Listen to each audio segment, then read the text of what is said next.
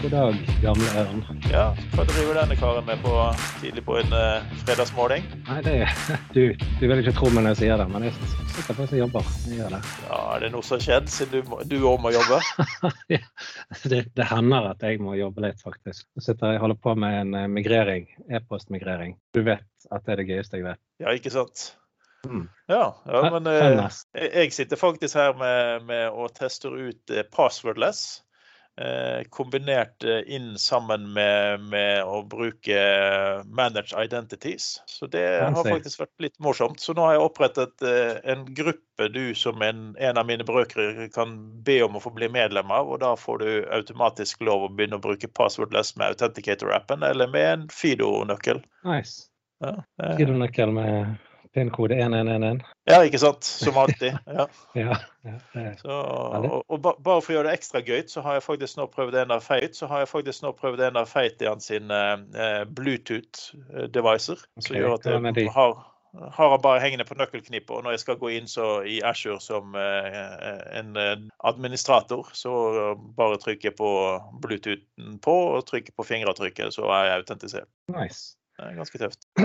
Ja, nei, det er klart at eh, når vi snakker om hva vi jobber med akkurat i dag, så er du litt mer fancy enn meg. Du holder på med en god, gammel e-postmigrering. Du holder på med fancy passwordless-løsninger. Ja, ja. Mm. Men uh, e-postmigrering er jo fortsatt en av de viktigste tingene du kan gjøre hvis du fortsatt har en on-premises-løsning. Jeg føler at det, selv om ikke det skal være en stor del av hverdagen min, så føler jeg at det kommer meg ikke unna fremdeles utrolig mange som har uh, sett på mm. vei til uh, Exchange Online. Mm. Ja, ja nei, det er litt rart at, at, det er faktisk så mange igjen. Og ikke minst så, så, er det vel kanskje også litt med det, de siste angrepene som har vært nå i exchange-verden, som har at folk blir mer bevisst på at de må bort fra det. Mm. Ja, helt klinkende klart. Det, det, blir sånn, litt sånn gammel flokksel, men vi snakket jo før om at når du, når du legger ting i Office 365, så slipper du å tenke på det. ja, ikke sant. Da, da, da, bare blir det tatt vare på. Men det, det er jo faktisk et poeng, da. For du slipper å patche. Du slipper å følge med på uh, har jeg den siste exchange-patchen. Mm. Jo, men der kommer du inn på litt av problemet som skjedde sist, tror jeg. For at uh, uh, mange glemmer at de faktisk har et hybridmiljø, og den gamle exchange-serveren står fortsatt på. Hybrid. Og, og, da får du jo plutselig det problemet som skjedde nå med, med nye, siste, siste, utnyttelsen av Exchange. Så er det jo faktisk at uh, man ikke tenkte seg om over at man har, har et hybridmiljø. og Exchange-serveren har jo vært den serveren som stort sett bare har stått et hjørne og gjort jobben, og ingen har tenkt på den, bortsett fra når den ikke virker. Mm. Og Der har Microsoft en jobb å gjøre. fordi at uh, Hybridløsninger er en dårlig, hybridløsninger er en dårlig løsning. Punktum. Men skal man kunne effektivt administrere ting i Exchange Online, så er det, er det vanskelig å bryte hybriden. Da blir du plutselig stående uten muligheten til å bruke Exchange-konsollene, og du må eller PowerShell. Ja, sant. Altså, det blir mye vanskeligere å, å, ta de tingene eh, som man vanligvis gjør i, i, i grafisk grensesnitt. Det, det, blir tyngre å gjøre. og Det er litt rart at ikke du kan eh, editere disse attributtene f.eks. i Asher. For eksempel. Mm. Så, for der ligger de, og de blir, blir jo ofte brukt til noe. Altså spesielt disse custom-attributter og litt sånn forskjellige ting. Det er noe med dette her å gå tilbake til å bruke ads i edit for å endre. Altså, nå snakker vi om brukere som blir synkronisert med Azure, med Azure Ad Connect. Mm. Selvfølgelig.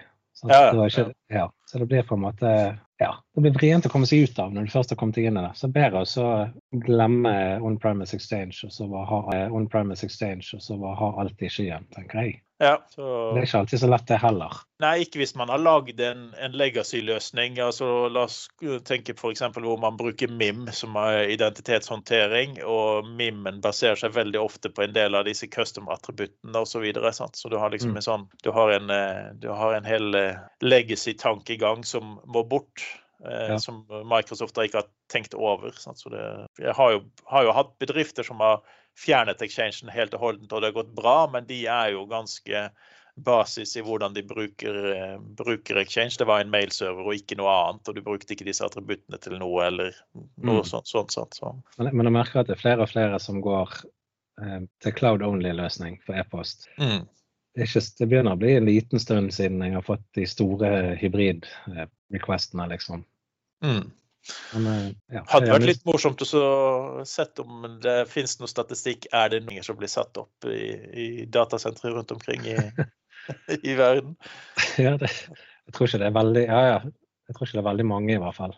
Nei. Men, men de driver og oppdaterer. De har jo nye exchange-versjoner og alt. Men det er jo òg en ting. Når tok du sist en exchange-sertifisering? Uh, ja, det, for min del så var det vel Exchange 2007-tidsrammen eller noe sånt.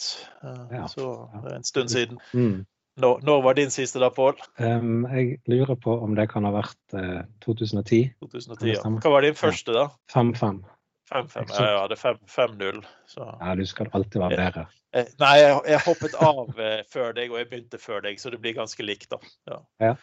Ja, så. Ja, ja. ja men det, det, det er blitt et mindre fokus på de tingene, i hvert fall hos oss. da. Kanskje vi, vi er så klaudifisert at vi glemmer at andre har et helt annet liv. Mm. Kanskje det er noen der ute som tenker at eh, det vi holder på med, er fullstendig irrelevant for dem. Ja, så er det jo gjerne det at eh, man tenker at man har investert i man tenker at man har investert i noe som står og snurrer og går og har det bra. Og, og da Mm. tenker du ikke på det før det går galt. Og det som jeg sier, det har vært exchange-serveren sin, eh, sin store forbannelse. Det er jo det at han er så god og stabil at han virker uten kjærlighet i det hele tatt i lang tid.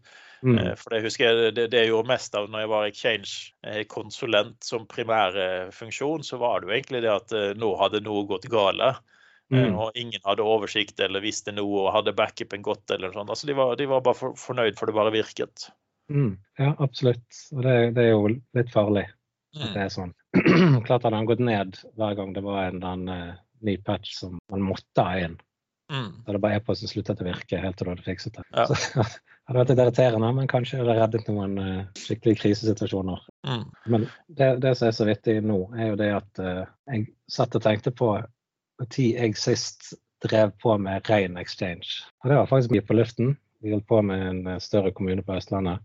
Mm. Og holdt på med exchange-server. Det begynner å bli noen år siden. Ja, det er noen år siden nå, så vi, eh, vi, vi satt på denne Intune-connectoren som gjorde at uh, ingen fikk eh, lest e-post. ja, sant. Ja. Vi fil- filtrerte vekk alle, men eh, det ble motsatt. Ja. Ja. Så, så vi klarte likevel å bruke skyen til å ødelegge on-premises-serveren, som da skulle være helt unntatt. Sant? ja. Ja. Ja, ja. Det er noen år siden. Ja, ja nei, eh, Man vet jo aldri når det dukker opp igjen at noen plutselig har eh, funnet ut at de har noe som eh, de ville ha gjort noe med. Men jeg tror kanskje sammenhengen er jo også ofte at du, nå kjøper de jo Office i, i lisensbølker i skyversjon. Mm.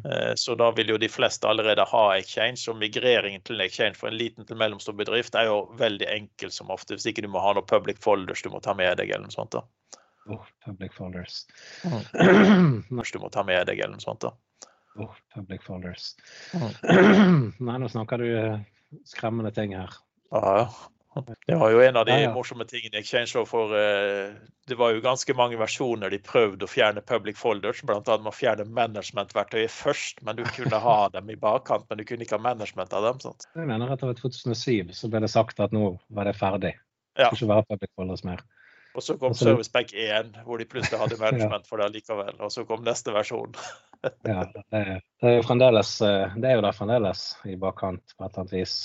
Mm. Men det, jeg vet ikke om mange som bruker det. Nei, det er mer sånne gamle legacy-ting som man bare vurderer om man trenger dette her. Eh, veldig mye av det var jo egentlig tanken at du skulle migrere det over til SharePoint istedenfor å ha det i Exchange-mailboksen. Så Jeg har migrert ut noen ganger, det har jeg. Eller faktisk fått folk til å kvitte seg med det. Så det, Men da har vi hatt eh, en god sånn eh, retroprat igjen.